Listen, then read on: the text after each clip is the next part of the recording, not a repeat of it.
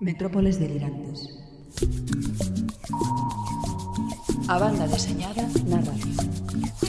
Serotonina, serotonina, serotonina, serotonina, serotonina.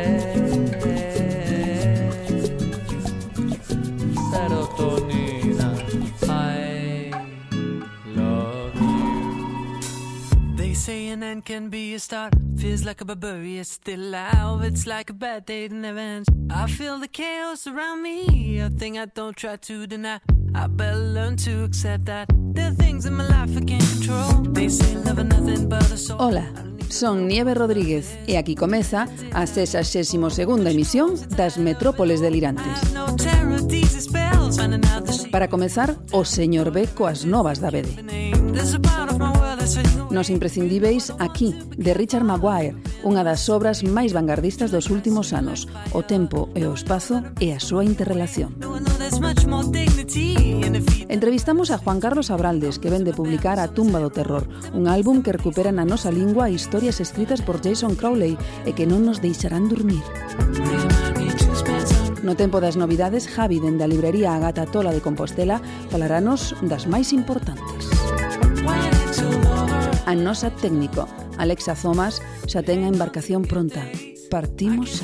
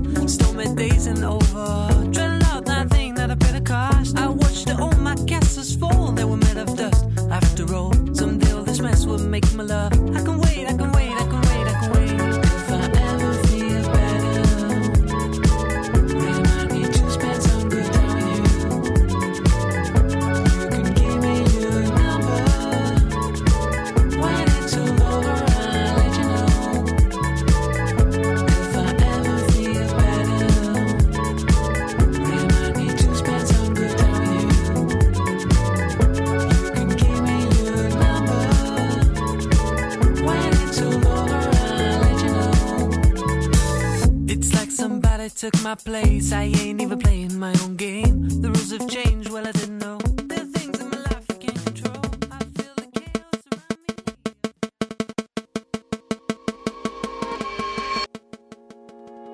me Soñamos con vacas, soñamos con en garaxes herméticas, en garaxes herméticos. en garaxes herméticos. Delirante. Hola, señor B. Hola. Como vai? Vai ben. Ben. Mm. Eh, dixemo Papo Rubio que anduvo de, de viaxe pola Coruña esta semana. Sí, que anduvo facendo por alá? Deixáronme sair do frenopático. no, en serio, ese permiso que lle deron do frenopático, en que o empregou vostede? Fun a inauguración dunha exposición de banda deseñada. Anda. Sí. Contenos máis. Hai cidades que fan exposicións de banda deseñada. Oh! Oh! Contenos máis. Eh, estive na inauguración da exposición BDG 70 A revolta do cómic galego eh, na sala normal da Coruña que está comisariada por Xulio Carballo e eh, promovida por Manel Cráneo. E que tal? Pois a exposición a min pareceume excelente, estupenda. Creo que é unha cita que debe ser casi obrigatoria ou obrigatoria directamente para calquera que ame a banda deseñada porque Aí pódense ver orixinais de Saquín Marín, de Raimundo Patiño, de Chichi Campos, de, de Chichi Campos da xente do grupo do Castro, é dicir, historia da BD Galega, de aí saímos, non? Ademais, a BD Galega ten unha serie de cousas curiosas, non? É unha BD que naceu xa facendo ciencia ficción. E que pois tamén se pode ver nesa exposición. Sí. Eh, bueno, viñetas moi reivindicativas, non? Como o home que falaba Begliota, de Raimundo Patiño precisamente, unha obra de gran formato que está ali, bueno, maravillosa. Incluso un unha das obras que sufreu un atentado por parte de ultradereitistas fai 40 anos cando se fixo a primeira exposición tamén na sala normal. Eh, unha serie de ultradereitistas asaltaron aquelo e empezaron a rachar coas obras. E unha das que sobreviveu que é unha obra de Xaquín Marín tamén está ali. Bueno, a verdade é que a exposición vale moito a pena e, dende logo, hai que agradecerlle o traballo que están facendo tanto Xulio como Manel, como o seu equipo, Xavier e, bueno, Laura, moita xente, que fixeron unha exposición magnífica e, ademais, estéticamente bonita. A verdade é que é moi agradable de ver e que, como dicía vostede, é unha cita imprescindível porque deses anos dos 70 naceu o que a BD galega contemporánea. Sí. Uh -huh. O outro día pasoume unha cousa, eh, cruceme pola rúa con Víctor Broullón, co, uh -huh. co autor de Aleida, e decíame, teño que ir a ver a exposición porque fíxate ti que non teño casi nada de idea do que aconteceu nos anos 70 e eu como autor quero saber de onde veño. Eso é ben bonito. Creo que iso é un mal un mal común, non? En realidade descoñecemos moito da nosa propia historia. De feito, hai moitas destas obras que, como decía, como decía Manel na inauguración, eh, moitas destas obras estuveron esquecidas durante moitos anos en fallados ou en queixos por aí perdidos Eh, de feito, algún dos autores que estaba por ali dicía, esta obra nin me acordaba de que, de que era miña, non? E, unha vez máis volvo a decir, non? Hai que agradecerlle o traballo a Xulio e a Manel e tamén a Universidade da Coruña e a Deputación por facer esta exposición que, que sirve para lembrarnos que houbo banda deseñada en Galiza e que houbo xente que reivindicaba, ademais reivindicaron o idioma xa en, en momentos, bueno, eran os últimos estertores do franquismo, pero era o franquismo, non? Pero eran momentos duros. Eran momentos duros, sí, sí, de, de máxima represión, ademais. E eles xa se atreveron, non, a, a reivindicar moitas cousas, non? Eh, unha narrativa propia, incluso incluso foron un pouco os que empezaron a falar de como había que chamarlle a isto, non? Si cómic, banda deseñada, ese debate xa estaba naqueles anos e eles foron dos primeiros que o, que o plantexaron. Creo que un creo que é unha cita ineludível, que ademais vai estar vai estar a exposición aberta ata o 15 de xaneiro, non? E en que horario podemos vela? De 11 da mañán a 9 da noite. Uh -huh. De luns a venres, uh -huh. na sala normal da Coruña. Pensa vostede que isto terán, terán oportunidade de velo, bueno, pois o resto de Galiza, que pode chegar a ser itinerante? Pois non o sei, pero debería serlo, non? Xa que hai institucións que si se comprometen, como neste caso a, Universidade da Coruña ou a Deputación da Coruña, pois tamén o mellor a Xunta tiña que comprometerse e facela itinerar, non? Porque ademais creo, penso que é un patrimonio de todos os galegos que estaría moi ben que, que se coñecese, que visitase outras cidades, non? Uh -huh. Pois a ver se hai sorte se esa exposición BDG 70 Revolta do cómic galego pode estar presente por todas as cidades ou por a merande parte das cidades galegas. Bueno, pois aí queda esa cita ineludível de cara xa a estas vacacións de Nadal que al, se albiscan xa aí o lonxe, queren empregar ben o tempo, achéguense ata a sala normal da Coruña. Nos iremos outra vez por ali, seguramente. E a máis é gratis, non como o resto do que ven no Nadal. é certo, é de balde, eh? así que aproveiten. Bueno, seguimos adiante coas novas da BD e agora sí, señor B, dende a Asociación de Críticos e Divulgadores de Cómic da que vostede eh, forma parte, eh, tamén a súa labor de divulgación está aí presente. Sí, tiveron a mala idea de deixarnos entrar algúns. non diga iso, señor B. Sí.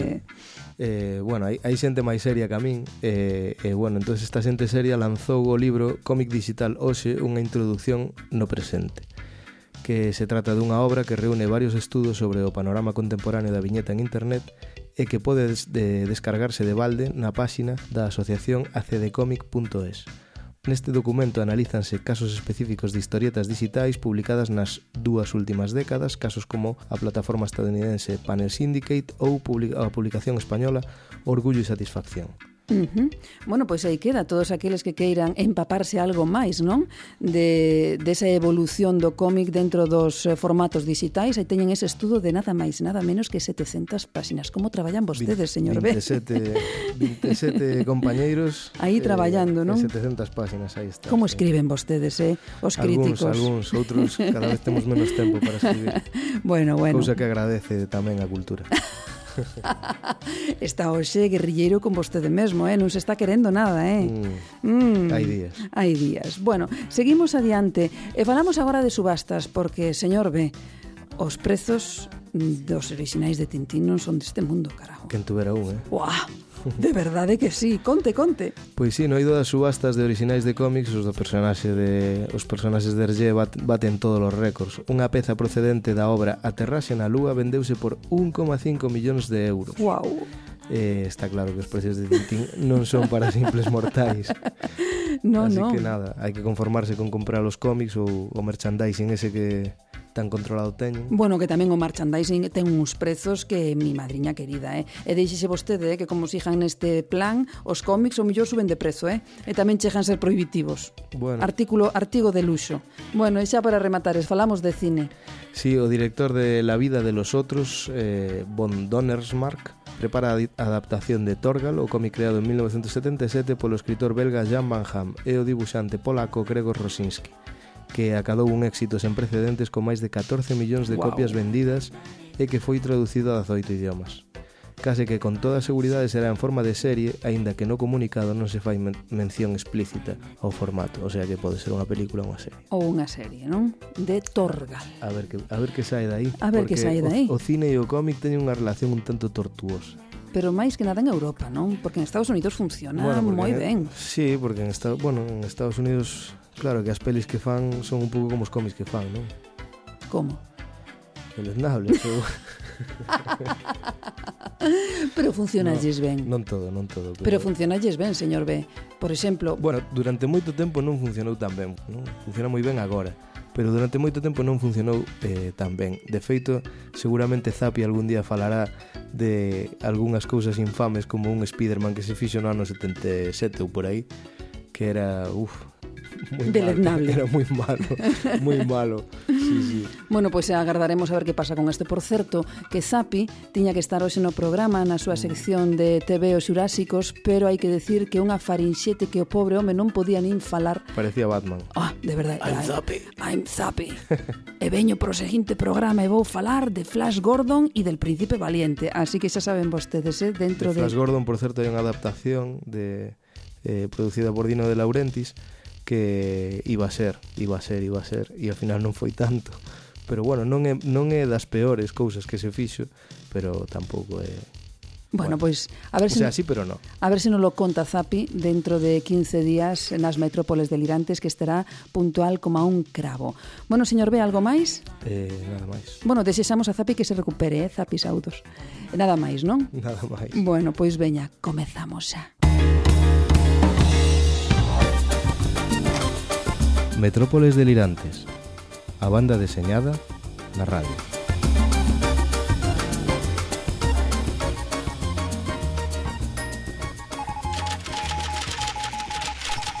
O imprescindible do señor B. Título da obra. Aquí. Autor. Richard Maguire. Editorial. Salamandra Graphic. Ano da primeira edición. 2015. Formato. Cartoné. Número de páxinas. 304. Xénero. Experimental. Lingua. Español. Prezo. 32 euros. Sobre a obra. Esta obra ten o seu xérmolo no ano 1989, nunha pequena historieta de seis páxinas publicada na revista Rao. Neste traballo, titulado tamén Aquí, Maguire conseguía reflectir o paso do tempo superpoñendo capas temporais, viñetas, sobre un espazo físico, unha habitación. Aquí valeulle o recoñecemento da crítica e influenciou a autores tan importantes como Chris Ware ou Art Spiegelman. 25 anos despois, Maguire volve revolucionar o mundo da BD, ampliando esta mesma idea nun cómic de máis de 300 páxinas, no que nos leva dende a orixe do planeta Terra ata un lonxano futuro, a través dun curruncho dunha habitación. O auténtico protagonista é o paso do tempo. Un dos alicerces da obra foi o uso desas fotografías familiares que todos temos e que retratan a vida cotiá, e que teñen cousas en común como poden ser aniversarios, bodas e graduacións. Segundo o autor, o libro basease niso. O debuxo é elegante e aséptico, entornos naturais a lápis que dan a sensación de que estamos ante un universo hermético. O uso da cor está feito dun xeito intelixente, emprego para guiarnos pola lectura e evocar cada época. O cómic foi todo un acontecemento nos Estados Unidos e chegou a acompañarse dunha exposición. Maguire rompe nesta obra coas convencións narrativas e formais do xénero, tanto é así que o mesmo Chris Ward considera o aquí unha obra de arte da literatura das que aparecen unha vez cada década. O tempo empregado polo autor para a súa execución foi de tres anos, un de investigación e dous de traballo artístico. A obra acadou o premio ao mellor álbum do 2015 no Festival de Angulem. Sobre o autor Richard McGuire naceu en New Jersey no ano 1957 Aínda que se fixo famoso como debuxante de cómics por este traballo, Maguire ten ás súas costas unha longa trayectoria como ilustrador. Traballa como portadista para The New Yorker, The New York Times ou Le Monde. Tamén é escultor, deseñador de xoguetes e de portadas de discos, e é baixista do grupo Liquid Liquid.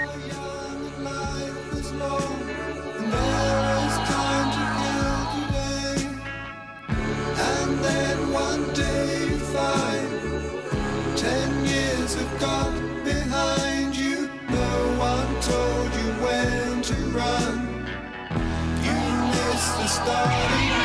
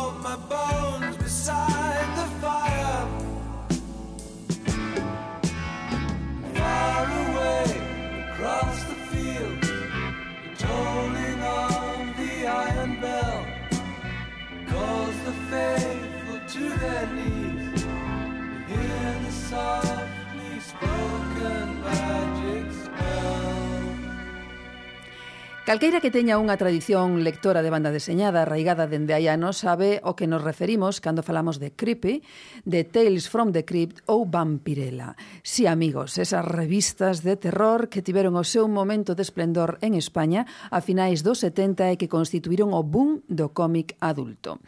Agora ben, Cantas de vos votades en falta publicacións destas características na actualidade con material novo? Porque supoñemos que os que teñan algúns exemplares das revistas anteriormente mencionadas pois terán as máis que revisitadas. Pois ben, hoxe nas metrópoles delirantes veu de visita un debuxante galego que acaba de sacar obra hai escasamente un mes, titulada A tumba do terror. El é Juan Carlos Abraldes. Benvido, Juan Carlos. Hola, que tal? Gracias. Hola, que tal? Gracias. Bueno, A tumba do terror titulase este traballo e non hai que darlle moitas voltas á cabeza pois para caer na conta de que é unha obra de xénero. Uh -huh. Segundo as túas verbas, neses mails que intercambiamos antes de chegar aquí onde estamos, decías ti, é para todas as idades. E a ver, eu teño unha curiosidade. E esa curiosidade lévame a imaginar que tipo de historias che contaban cando eras pequeno, por exemplo, antes de dormir, ou que cousas lías ti para decir que isto é eh, para todas as idades. Eh, sí, bueno, eu eh, cando, ti, eh, cando cumplín os cinco anos recordo perfectamente que dixen a miña nai que quería dedicarme a algo que tivese que ver coa arte. Eh, o tiven sempre moi claro. Eu era destes rapaces que lía Don Mickey, Mortadelo, Zipizape, bueno, as lecturas clásicas de, de un rapaz da, da miña edade. Pero aí con 6, 7 anos eh, non recordo exactamente que edad, recordo no, no quiosco que tiñamos eh, preto da, da miña casa, ali en Barcelona, entrei dentro, estive mirando os cómics como sempre, bueno, iba a comprar o Don Mickey, pero de repente vin un crepi. Estaba eh, a portada estaba firmada por San Julián. Eh, a, empecé a revisar eh, eh, vamos, eh, lle dixen a miña nai que a quería comprar. Eh, desde dende ese día eh, fun aficionado. Sí, sí, eu fun bastante precoz en este tipo de, de lecturas máis que nada non po, polo xénero en sí, sino polo dibuxo. O sea, eu gustaba moito o estilo clásico, pero xa desde moi neno, sabes? O sea, vamos, eu dibuxei como todo mundo, pois, dibuxos así moi en plan cartoon e todo, eu sigo facendo polo meu traballo, que é o que me piden moitas veces. Pero a min o que me gusta realmente é o estilo clásico. realista, sí, O realista, o sea, realista clásico. o clásico. Que é o que reflictes nas túas obras, tamén hai que dicilo, non? Vamos agora a falar deso. Así que facemos un pequeno resumen aquí, Juan Carlos, cando tiña sete anos, viu un creepy e dixo, lo mío é es isto. Sí. Lo duro. Exactamente. A mí déixame de Mickey Mami e cómpame o creepy sí, sí. que a mí bueno, eu tiña unha estantería enorme na miña casa con don Mickeys, eh, bueno, todo tipo de revistas infantis, eh, pero desde ese momento, non sei, creo que o, re, eh, o regalei todos, eh, e esa pequeña librería que tiña na casa, pois empecé a coleccionar, pois eso, do, eh, Crepis, eh, Vampirelas, eh, Zona 84, Cimoc, Os Todo cómics iso. daquela época, sí. Uh -huh. Bueno, eh, esta obra que estamos presentando hoxe, A tumba do terror, ten guión do inglés residente en Norteamérica Jason Crowley. Como xorde esta colaboración e hai canto tempo? Como comezas pois, a no ter dos... negocios con este home? Sí, no 2012, bueno, eu estaba traballando en unha productora de cine e televisión eh, levaba moitos anos sin facer nada de cómic. Eh, bueno, estiven, eh, estiven traballando no ido da ilustración, eh, cousas así esporádicas que facía pola miña conta, o marxe do, do meu traballo na, na productora, pero tiña ganas de volver ao cómic. Entonces, eh, bueno, como o Facebook eh, estaba un pouco de moda e tal, estive un pouco rebuscando pois pues, eh, publicacións que se pudieran asemellar un pouco que me gustaba a mí, o tema do terror e todo eso. Entonces atopei esta revista, Tom of Terror, que se edita en Estados Unidos, o seu editor eh, Jason Crowley, que tamén é guionista de moitas das, das historias, eh, puxeme en contacto con el como fago moitas veces con moita xente que eu eh, quero coñecer, pois a través de unha caricatura. E fixe unha caricatura, eh, ya enviei, gustoulle, el revisou o meu portafolio e veo que claramente que, que o meu estilo podía encaixar perfectamente co, co que eu, el quería na, na revista. Entonces, a partir de aí, pues nada, empezamos a traballar. Eh, é unha revista que se edita bimensualmente. Eh, nada, e que sigues levo. colaborando. Claro, claro, sí, sí, ahora mismo estou con outra historia para él, sí, sí. Uh -huh. Bueno, eh, o seguinte paso, como decimos, primeiro foi esa toma de contacto, comezar a traballar nesa revista norteamericana, e o seguinte paso foi publicar esas historias, uh -huh. non unha recopilación de historias aquí e en galego, en un momento no que cada vez é menor o número de publicacións na nosa lingua. Por que ese paso tan consciente, tan consciente e tan militante? Porque, bueno, o primeiro que se che ocorre é, bueno, bueno, non facer, pero en castelán, en galego. Olé. Sí, eh, a mí moita xente me dixo, bueno, eso tes que facer en castelán, po, polo tema de distribución vai ser, claro. vai ser moito máis rentable, pois pues eso, eh, colocalo. Claro, colocalo, distribuílo pois pues, en librerías ou a través de internet e tal non sei, eu me baso moito no instinto e había unha voz que, que me dixo tes que facer en galego e o tes que distribuir, pois na época do Samaín, mm, tiña unha voz aí como como que me que estaba falando e me estaba, sí, ¿no? me estaba dicindo exactamente o que tiña que facer, como facelo e cando facelo. Eu pois nada, eh, asumín eh, o que me decía esta voceciña e e, e seguín os seus pasos. Eh, e que tal? Eh, de momento, ben, vamos, eh, as tres primeiras semanas que foron de presentacións e todo eso, as dúas prese primeiras presentacións, pois eh, xa os gastos de imprenta, distribución e todo eso os cubrín. Moi ben. E despois me, me saquei, pois nada, un pequeño soldo, pero bueno, que fueron as primeiras tres, pre, eh, tri, tres prima, eh, primeras, eh, claro, de distribución. Eso sigue adiante. Uh -huh. Porque aparte hai que decir que ese traballo está autoeditado, é dicir, ti autoeditaches, sí. ti distribúes, uh -huh. é dicir, un traballo tamén arduo. Eh, bueno, é un traballo mm, vamos a ver, eu cando estive no ejército me decían o teu corpo aguanta 10 veces máis do que ti crees. E realmente é certo. E comprobaste. Eh, sí, eu o mes pasado, o mes de octubre, eh, foi mm, posiblemente un dos máis duros da miña vida porque me pasaron moitísimas cousas, incluso tive unha operación aí, bueno, Eh, coincidiron moitos traballos, tamén moitos proxectos que tiña que acabar para finales de, de novembro e eh, aparte, pois pues eso, a, a, a distribución deste proxecto eh, bueno, realmente puiden con todo e tampouco, bueno, non foi para tanto. É dicir que ti repetirías o da autoedición? eh, o penso facer, vamos, sí, no? en un futuro próximo, sí, sí, ah, gustoume a experiencia moitísimo. Bueno, pois xa falaremos deses proxectos que tes por aí, e eh, agora sí falemos do, do cómic. A tumba do terror, que é o que viñamos facendo ata agora, eh? Uh -huh. A tumba do terror é unha recopilación de cinco historias de terror, seguindo o esquema desas revistas que mencionábamos antes, non? Sí. Eh, como creepy. Historias en blanco e negro, non? Uh -huh. Autoconclusivas, sí. de 10 páxinas, 9 sí. páxinas, uh -huh. e sempre aí cun mestre de cerimonios, que neste caso é o Hicho, que en tono jocoso pues, vai dando paso á historia uh -huh. e tamén ao final pois, fai como unha especie de, non recomendación, pero sí moralexa, non? É sí, unha especie de moralexa, sí, bueno, eso, que bueno, máis ben o, o que quere eh, vir a decir o hicho este, de blog en inglés, é eh, que, bueno, non te pases, non tens que ter cuidado de non facer daño aos vivos e aos mortos porque ao final, sabes, podes ter un, sabes, eh, vas ter o teu merecido. Uh -huh. eh, sí, sí. Entón, eh, a miña pregunta é, eh, por que escolleste replicar a estructura de revistas como Creepy eh, no canto de facer algo distinto? Por que? Pois, eh, bueno, eh, claro, isto é unha decisión de Jason Crowley eh, editar este tipo volver a, este, a editar este tipo de revistas é algo que se está facendo moito en Estados Unidos en estes momentos es, mm, hai moitas revistas mm, deste xénero que se están volvendo a editar in, con este mismo esquema con eh, eh, eu creo que é simplemente nostalgia, sabes? A xente eh, pues, que ten certa edad, pois pues, o mellor a, a miña un pouco máis, ten certa nostalgia deste tipo de revistas eh, realmente a xente tamén que ten carto, sabes? Que pode eh, asumir os costos de, de poder comprar todos os meses ou eso, eh, bianualmente pois a revista e a que realmente está mantendo a revista. Uh -huh. Porque, bueno, tamén hai que decir que o prezo é bastante asequible, son 8 euros, sí. que son eh, cantas páxinas? Son 56, eh, 56 páxinas, páxinas sí. eh, e ten un prezo de 8 euros, así que en branco e negro, como dicíamos... Sí, a calidad, bueno, do de dibuixo non vou falar porque, bueno, fixo eu, pero, eh, claro, pero o que é o guión... Eh, eu creo que está bastante por encima da media do que se sole estilar en este tipo de, de publicacións de, de terror, vamos, uh -huh. incluso da bella época, porque eu recordo eu era, vamos, un gran fan de Vampirella, sabes, porque me gustaba o personaxe, había grandes dibuixantes como Pepe González que vamos, que facían un traballo estupendo, pero os guións es que eh, eran malísimos, e non entendía nada, pero simplemente polos dibuixos eu seguía comprando, eh, como eu, miles e millóns de personas, sobre todo en Estados Unidos houve unha época que había eu non sei, non quero mentir, pero millóns de personas que, que compraban esa revista. Falemos agora do debuxo que o teu, sí. o debuxo, como dicía, realista, blanco e negro, branco e negro, bebendo desas fontes dos clásicos que sempre che gustaron a ti. É o estilo que mellor se adapta a este tipo de historias? Eu creo que sí, eu creo que estas historias si as mm, si se fixesen en color mm, non, non funcionarían Ti pensas igual. que non funcionaría? Non, non.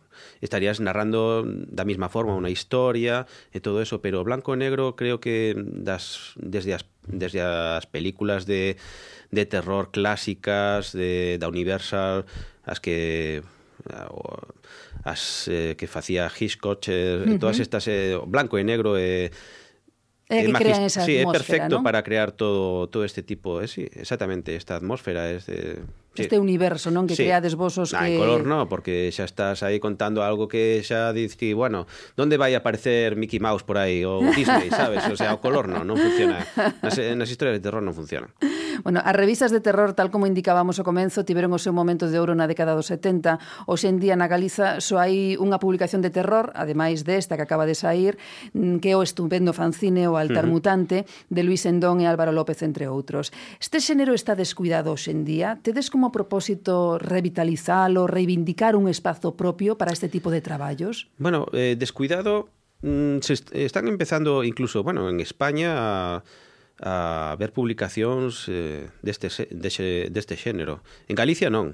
É algo que eu creo que realmente sí que faltaba para completar un pouco a nosa cultura, sabes? Eh, faltan moitas cousas para realmente completar a nosa cultura e estar un pouco donde nos merecemos, sabes? Uh -huh. Sí, sí, porque a calidade hai, eh, artistas hai de hai sobra. de sobra neste medio en, en outros, o que pasa que como sempre exportamos o noso traballo e aquí non se nos coñece para nada. Uh -huh. Pois pues hai que poñerlle fin a eso. Eh, Con sí. iniciativas como, por exemplo, claro, as que claro. estás facendo ti, Exactamente. Trayante, no? que eh, contribúen a que eh, o xénero do terror neste caso, pois sacades o quiño que tanto falta lle fai. Eh, eso espero. Eh, a, realmente, bueno, eh, este proxecto mm, para min é unha forma de darme a coñecer na miña terra, porque a pesar de que estiven colaborando pois en medios como a Voz de Galicia e bueno, facendo ilustracións para novelas e etcétera, eh, o meu traballo desde fai moitos anos eh, basicamente para fora, eh, eh, aquí non se me coñece nada.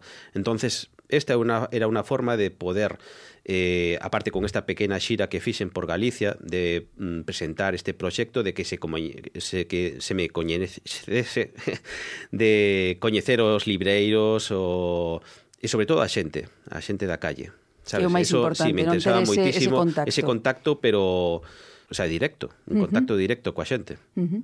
Bueno, eh, entre os colaboradores deste traballo atopamos a un veño coñecido e colaborador das Metrópoles, que é Saime Lis Carrera, uh -huh. facéndose cargo da traducción.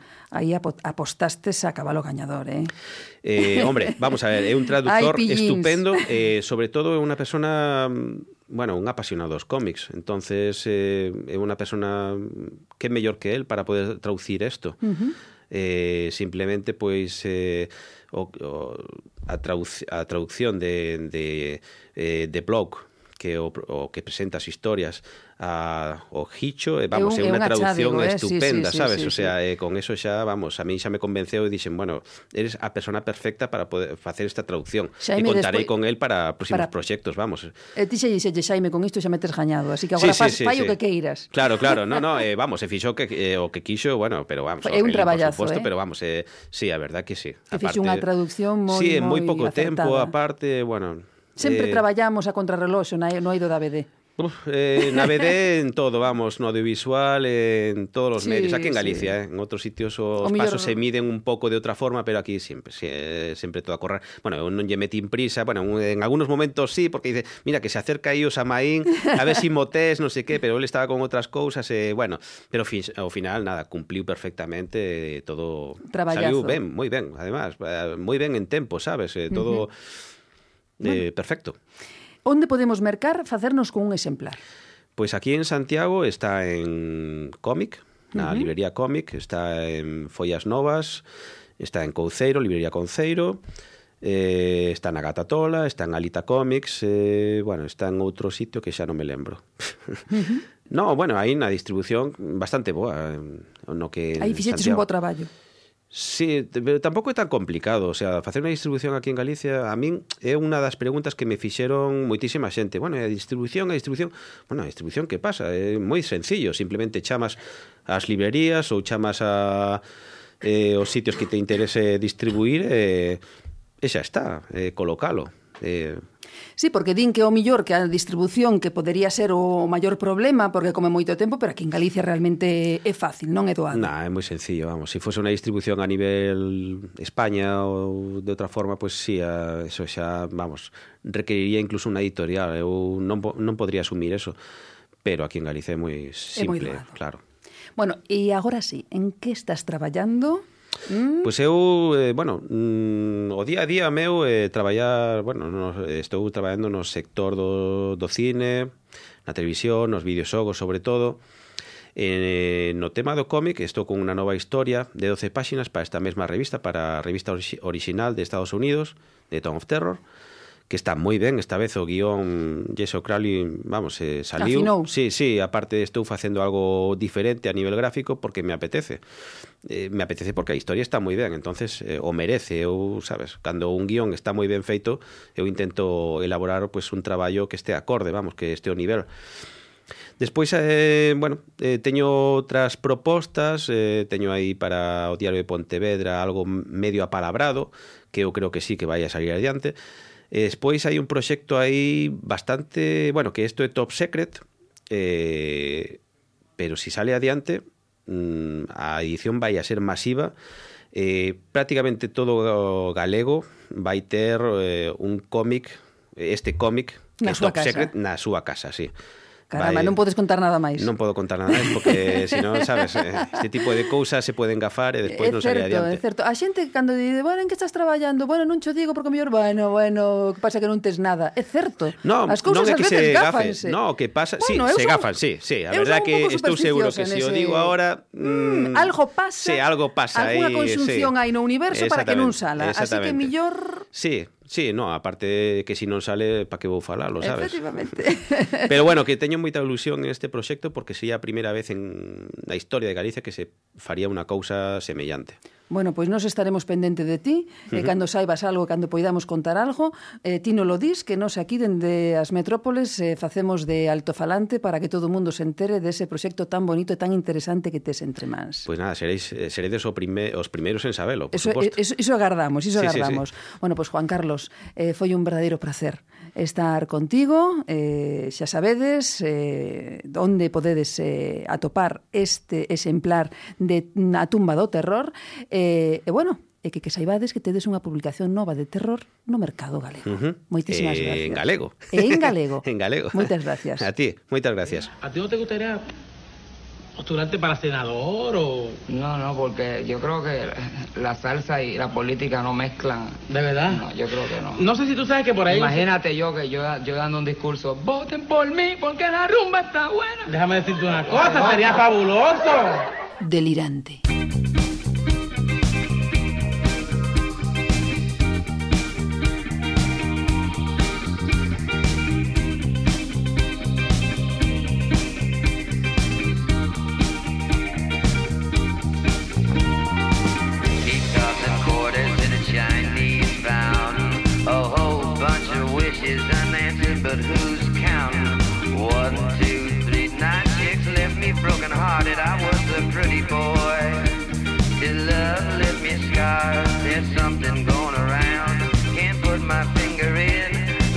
Bigger gonna shoot out the earth like diamonds. We are the miners of another generation. Dry with no choice but be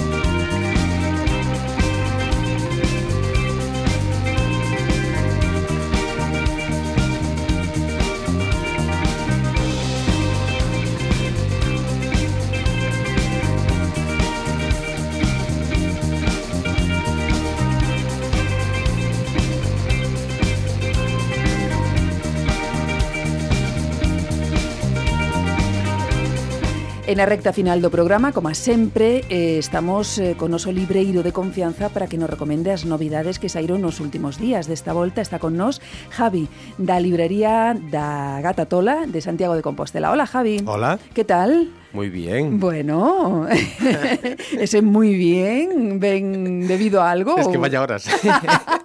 Hoxe sí, hoxe estamos facendo esta, esta sección así un pouco madrugadores, eh? pero ben, ben, para comezar o día Sí. falando de libros Sí, sempre. está muy bien, la verdad es que sí. Eh, temos aquí xa en riba as novedades eh, Así por riba de todo temos un libro Así en rosa, en, en lila, en amarelo Que está moi ben editado E que é de Osamu Tezuka Sí, el Ayaco, el Ayaco de Tezuka que ha sacado al Planeta Agostino una edición, eh, bueno, eh, integral, pero al final esto van a ser dos o tres tomos, creo que son tres tomos. ¿Ah, sí? Y sí, ya lo habían sacado antes, no, creo que igual son dos de esta, bueno, ya no, me- no me preguntes porque no estoy seguro cuántos van a ser, pero bueno, lo han hecho un poco más grande, tapadura, muy bonito. Mm. Y bueno, a mí Ayako me gusta bastante, eh, lo habían sacado ya hace años en, en formato manga más, ah, al que estamos más acostumbrados, ¿no? Así en pequeñito, en tapa blanda, y esto lo han sacado ahora en grande y en tapadura.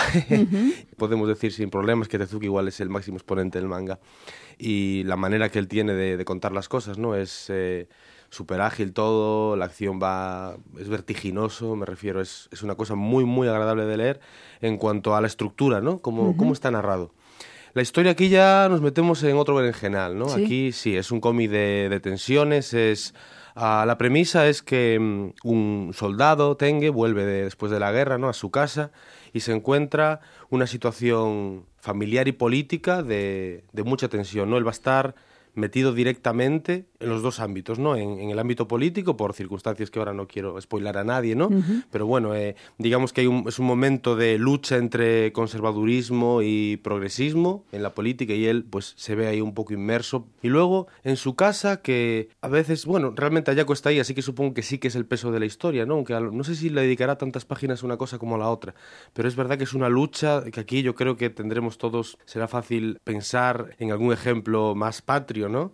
De una familia muy preocupada por guardar las apariencias, al final igual que en lo político, de mantener un status quo frente a un mundo ya que está cambiando y que hay que aceptar, ¿no? Y bueno, al final como la gente por miserias o, por mantener esa, esa relación de poder, los abusos que llega a cometer solo pensando a lo mejor en el beneficio propio. Muy de cerca también yo creo que se separa un poco, eh, más obras de Tezuka, ¿no? En, en la figura de la mujer y en este caso Ayako, una niña, ¿no? Que luego va a ir creciendo al- a lo largo de la obra y cómo la presión que se ejerce sobre ella, ¿no? La fuerza de, en este caso, el patriarca de la familia, ¿no? Que tiene dominados a los hijos, las nueras, en este caso a Yako. Y bueno, es un cómic duro, hay que tener un poco de estómago, pero como decía antes, Tezuka, muy ágil de leer, muy entretenido y bueno, yo creo que invita mucho la reflexión, ¿no? Es verdad que él no presenta, a alguien lo comparaba por ahí con Crimen y Castigo, ¿no? Como los, hago una cosa mala y luego ya pagaré. Pero bueno, es verdad que aquí él tampoco se pone a, a emitir juicios, entonces si te deja a ti un poco la opción de... Te, te, lleva a la reflexión, vaya, ves cosas muy duras y yo creo que es difícil no parar sin pensar un poco en eso.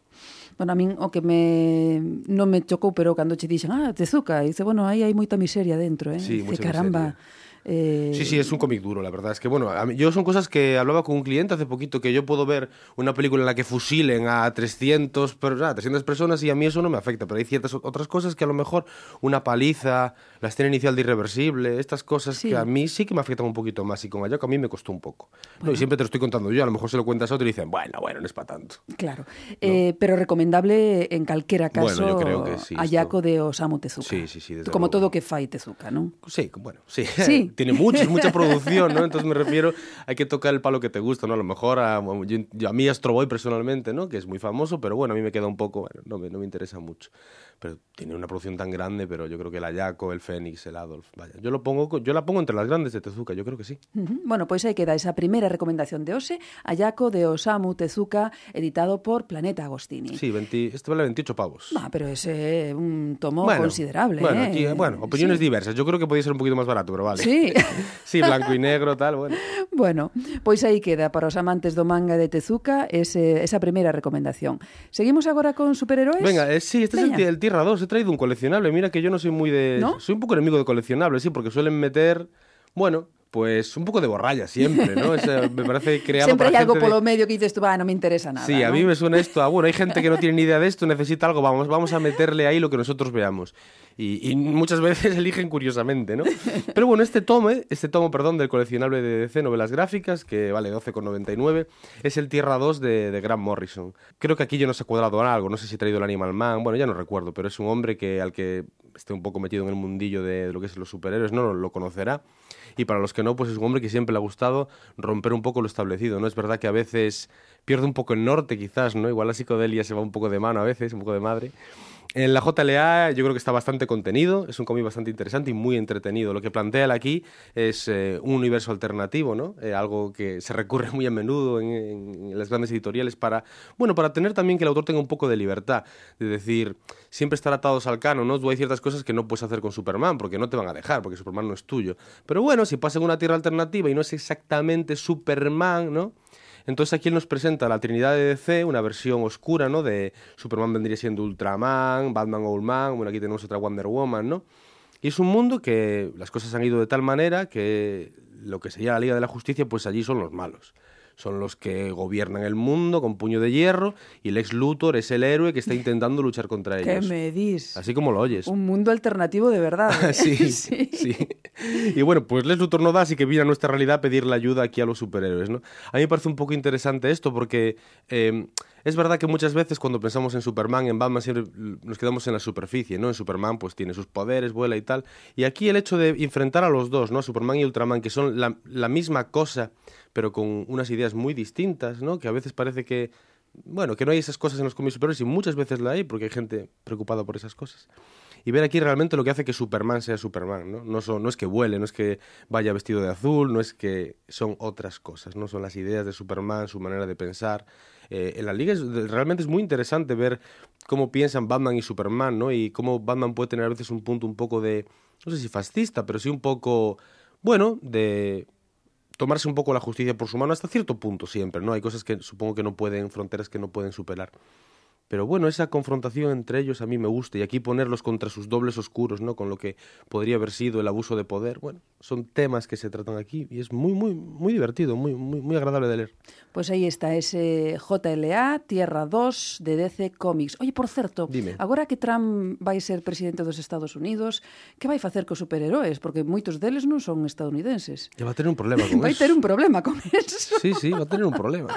Non pensarás niso, verdade? Bueno, pero es que no se me había ocurrido. Pois, como empeza a revisar, Superman fora, non é daqui, eh, eu que sei... Eh, Oh, Dios mío, la ley de eh, inmigración puede Magneto. afectar a Superman. Eh, sí, señor, eh, ese muro, eh. Esto parece broma, pero son cosas que ya se han tratado, ¿no? Hay un ahí atrás sale, salía noticia en el periódico que Superman él mismo dijo, yo no, no puedo seguir siendo estadounidense, yo tengo que ser un ciudadano de la Tierra. Y pues esas cosas se han tratado también, mira tú, ¿eh? Pois efectivamente, mira, Tireno nos queda moi longe, sí, señor. Seguimos a... Oh, Joan Esfar, mira, sí, ya sé que está. tú igual estabas más, más esperando el, el pequeño vampiro, ¿no? El pequeño vampir. vampir. Sí, a mí é que me fascina o, vampir. A mí esta es bueno, obra, Klezmer es mi obra favorita de Johann Sfar, a mí es la, la que más me gusta. Que En, en el último programa que vine creo que había traído el de este de cuadernos, Sí, ¿no? sí. No sé si que habíamos comentado cómo él se... en- llegó un momento que en- decidió dejar de preocuparse un poco por comillas, dibujar bien comillas. ¿no? Un poco por conseguir soltura en el trazo, ir un poco rápido. Y a mí Klezmer me parece una obra que viene directamente de esa ansia de ir suelto, ¿no? Ir a ver qué me sale. Eh, la música Klezmer es una música judía que bueno, la he visto, yo no entiendo nada de la música Klezmer, ¿no? Pero sí que leyendo sobre ella he visto autores que la comparan un poco con el blues, en el sentido de lo que es la, improvisación, bueno, siempre dentro de unos límites, ¿no? O adaptarse un poco a lo que está pasando, a lo que estoy cantando, a lo que la gente está bailando. Entonces la música Klezmer parece ser que tiene algo de esto de improvisación. Y la obra, cuando este es el cuarto tomo, lo he traído sin leer, porque, bueno, no quiero, es una obra que me gusta mucho y quiero repasarme los tomos anteriores, ¿vale? Entonces nos presenta un, un grupo de músicos que están vagando por Europa, ¿no? Judíos, vaya, no sé, muy presente siempre lo judío. Bueno, el judío, la etnia, ¿no? Un poco la cultura, más que siempre parece que pensamos en los judíos como relacionados con la religión, y a mí estos todo lo de Sfar me parece que la religión, hombre, el gato del rabino sí que su filosofía está por ahí, pero me parece que siempre lo intenta dejar un poco de lado. Es una impresión mía, ¿eh? Bueno. Entonces en Kleve nos presenta esta, este grupo de judíos que van por ahí vagando por Europa. Y él mismo en entrevistas decía que, aunque sí, una idea general en la cabeza, sí que se ha dejado ir un poco, ¿no? Como el- por ahí el título, ¿no? De por la música klezmer y improvisar un poco, ¿no? Dentro de unos límites marcados. Ahora que lo, aquí lo estamos mirando, el, el color es una cosa loca lo que hace en Sí, este sí, cómic, ¿no? Cambia de una página a otra. Bueno, tú estás viendo, ¿no? Lo que varía de una página a otra. ¿No? Vas pasando y ves que es cierto que igual Sí, sí, en los tomos anteriores no es tan pronunciado, ¿eh? Pero sí que el color se nota muchísimo, como de repente, pues en una escena que a lo mejor hay una discusión, él cambia la tonalidad de color. Entonces, a mí de lo de Sfares es una de mis obras favoritas. Bueno, pues aí queda este Klezmer de Joan Esfar, de Norma Editorial, que vai xa polo quinto, non? Eh, quinto y último. Quinto e último. Sí, 22 eurillos han subido un poco, creo que los otros estaban a 20, a 20 euros. Ya hace tiempo también del anterior, ¿eh? Creo que con todo esto de lo de Charlie Hebdo, y bueno, tuvo ahí una época que paró un poco de parou, non? producir, Que, ¿no? que botou o freno para Sí, y el. Klezmer. Bueno, eh, Joan Esfar sempre merece a pena. Yo creo a que- min gústame sí, moito echarle un este- vistazo como sí, mínimo, sí, ¿no? Sí, sí, sí, efectivamente. Bueno, pues nada, aí está esta terceira recomendación e imos, home, James Bond. James Bond, yo es que soy Caramba, fanático. eres fanático. Súper de- fan. Súper fan, ¿eh? que no me toquen a mí Sí, James sí, Bond. yo, yo todo, ¿eh? las pelis, los libros. Sí. Sí. los cómics era una cosa que yo tenía pendiente, porque es una cosa que todos los que me han caído en las manos son bastante antiguos y bueno, a mí eso, bueno, me parecen un poco pesados de leer, la verdad. Est- Pueden estar bien hechos, pero ahora necesito un consumo un poco más rápido, ¿no? Y cuando lo ha cogido Warren Ellis, yo he sido muy feliz, ¿no? Porque si algo hace Warren Ellis bien es actualizar las cosas a nuestro momento o un poquito más. No siempre un poquito más. Leyendo Warren Ellis. Sí, no muchísimo, Pero ese puntiño pero un pasito, dos pasitos, ¿sabes? No quiero decir, uy, estos se adelantaron a su tiempo. Bueno, yo no voy a decir que Warren Ellis se adelantara a su tiempo. Pero sí que es de los primeros que empieza a decir, esto tiene que cambiar, ¿no? En todo, las cosas que se ha acercado en su época de vértigo con el Transmetropolitan o incluso cuando empezó en Wystro con, creo que aquí ya ha pasado, o el, o el Planetario, el Authority, que cambió en cierto modo la concepción de cómo hacer los cómics de superhéroes. Y aquí en James Bond consigue mantener lo que es el espíritu. Quiero decir, tú lo estás leyendo y notas que es James Bond, pero cambia muchísimas cosas. No, no, es, no es al James Bond al que estás acostumbrado, pero creo que eso es parte de lo guay de James Bond. ¿no? Pero te mola, ¿no? A mí sí. está- Sí, creo que es algo que han conseguido las películas, que en los libros se echa un poco en falta, que tienen un poco más de continuidad, pero en la película yo creo que cada James Bond es diferente, Sí. ¿no? Hay un, hay un cambio muy, muy heavy entre Sean Connery y Roger Moore, o ahora el Daniel Craig, este nuevo que, que hay, Sí. ¿no? Y aquí él consigue hacer un nuevo James Bond, pero manteniendo el espíritu de James Bond. Y bueno, a ver. es James Bond, ¿vale? Yo creo que es evidente lo que nos vamos a encontrar ahí. Pero es una muy buena peli de James Bond, pues un muy buen cómic de James Bond, ¿no? Bueno, pues... De hecho, es el cómic de James Bond que hay, ¿vale? Si Vale. no, podéis cogeros los viejos, que tienen más textos, son un poco más lentos, hay un poco más de, de James Bond clásico, pero bueno, yo creo que esto es una muy buena actualización del personaje. Estoy ya deseando que salga el segundo. Me lo he pasado Mima. como un enano. Mima Warren Ellis, eh, ese James Bond eh, de Panini Comics. Sí, y un dibujante cogido para el Sí, efecto, ¿no? eh, que é Jason Ma- Masters. No, Va, bueno, bah, sí, Warren Ellis. Aquí, Warren esto Ellis. es Warren Ellis. Y podía haberlo dibujado quien 16.95. fuera. É dicir, non está nada mal, eh? Porque No, yo creo que... moi ben. Sí, sí, Sí, bueno, sí. es James Bond, pero tiene que gustarte. E xa para finalizar es que temos El paracuellos de Jiménez. Ama. Sí, el paracuellos 7. ¿Cuánto hará de esto? Ya no recuerdo cuándo era el otro, pero deben desde el primero habían pasado 20 años. Jesús. Yo pensé que no, lo, que no vería más paracuellos, ¿eh? Pois aí está, non? Sí, paracuellos. Recomendar esto me parecía un poco acto de futilidad porque el que tenga los otros seis lo querrá o no y a la gente que le puede interesar, pues hombre, mejor cogerte el primero a lo mejor. Es cierto que ahora lo que hay es el integral, igual es un desembolso más importante. A Paracuellos, para quien no lo conozca, narra un poco la, la vida de Jiménez en, en la casa de, de auxilio social de Paracuellos del Jarama. Resumiendo un poco, son animaladas que le hacían a los niños, ¿vale? Por favor, Eh, sí, bueno, non afondes máis, é mellor lelo. a mí lo que me gusta de esto un poco es que está, él consigue contártelo todo desde, desde los niños, ¿no? Entonces, aunque tú desde fuera piensas qué animalada lo que está pasando aquí, ellos lo ven de otra manera. Claro. Y él consigue que tú entiendas eso. ¿no? Que ahora, sí, igual con la distancia de los años, supongo que él se dará cuenta de todo lo que fue eso, ¿no? De ahora, yo cada vez que abro el periódico y veo, pues en este colegio le han metido una paliza a este Sí, sí, niño, sí. Me vuelvo loco, digo, pero ay Dios mío, ahora con la niña yo estoy vivo, vivo, Claro, vivo claro, aterrado, claro, ¿no? sí, sí. Y, y dices, y luego el niño, pues te enteras de que no se lo dice a la madre, porque, porque lo enfocan de otra manera. Y yo creo que eso está muy bien reflejado en Paracuellos. Yo creo que, más allá de todo lo que ha hecho Jiménez por el cómic español y todo lo que supone Paracuellos o, o los profesionales o cualquier obra de Jiménez que mencionemos, creo que lo que a mí me gusta de Paracuellos es que ha sido capaz de de transmitir eso, de cómo el niño lo acepta como algo que viene, como bueno, es que las cosas son así. Sí, as cousas pasadas polo tamiz dos ollos dun neno sempre se venden de outro de punto de vista, sí, de sí, outra sí. perspectiva, non? Parece que suavizas máis, como dis ti, esas animaladas que ves, non? Sí. Ou chegas a entendelas, non entendelas, pero sí asumilas un pouco mellor, non? Pois aí queda ese paracuellos de Carlos Jiménez, cale? Cal... Ese es el, el tomo 7. O tomo 7, non? Sí. Hombres del Mañana. Voy a quejarme de Reservoir Books. Sí. Sacan, eh, a la vez que esto, sale el integral de Paracuellos. Este tomo vale 17,90. No me preguntes por el integral que no lo he traído, no recuerdo cuánto, cuánto vale. É dicir, que sacan ao mesmo tempo. Claro, pero han sacado el todo para cuellos, que no es todo, sería todo para cuellos menos el 7. y sacan a la vez el todo para cuellos y el 7. Si non ten moito sentido. no tiene sentido ninguno, no, maldita no, é sea. certo, sí, maldita sea. Bueno, pois así maldecindo imos rematar. Todos los que compréis el integral de paracuellos, que sepáis que no es integral.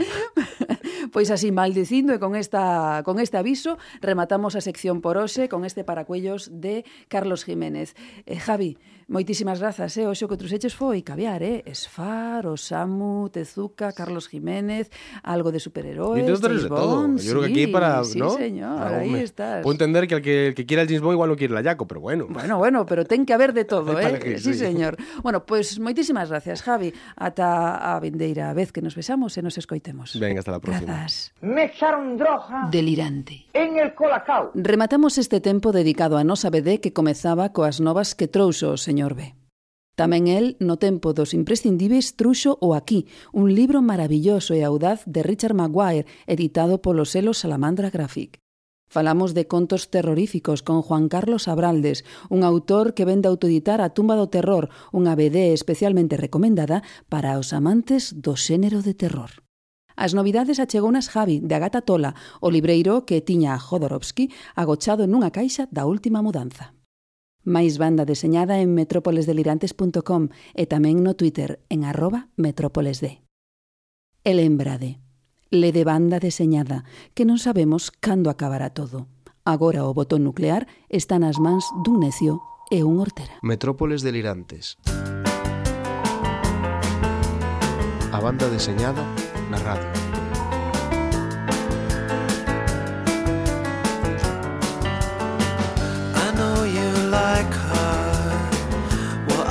Like her too. I know she likes you. It's not as if I'm being sent off to war. There are worse things in this world. There's the room in my wooden horse for two. I was Jonathan to your David. You're still king. Well, I thought about her. I dreamed she'd come, I'd make my escape. Thought she liked me, but somehow I was wrong. I know you don't want it this way, but it's okay. It's not like we'll be parted. It's not like we'll never know love. And she'll smile for you. She'll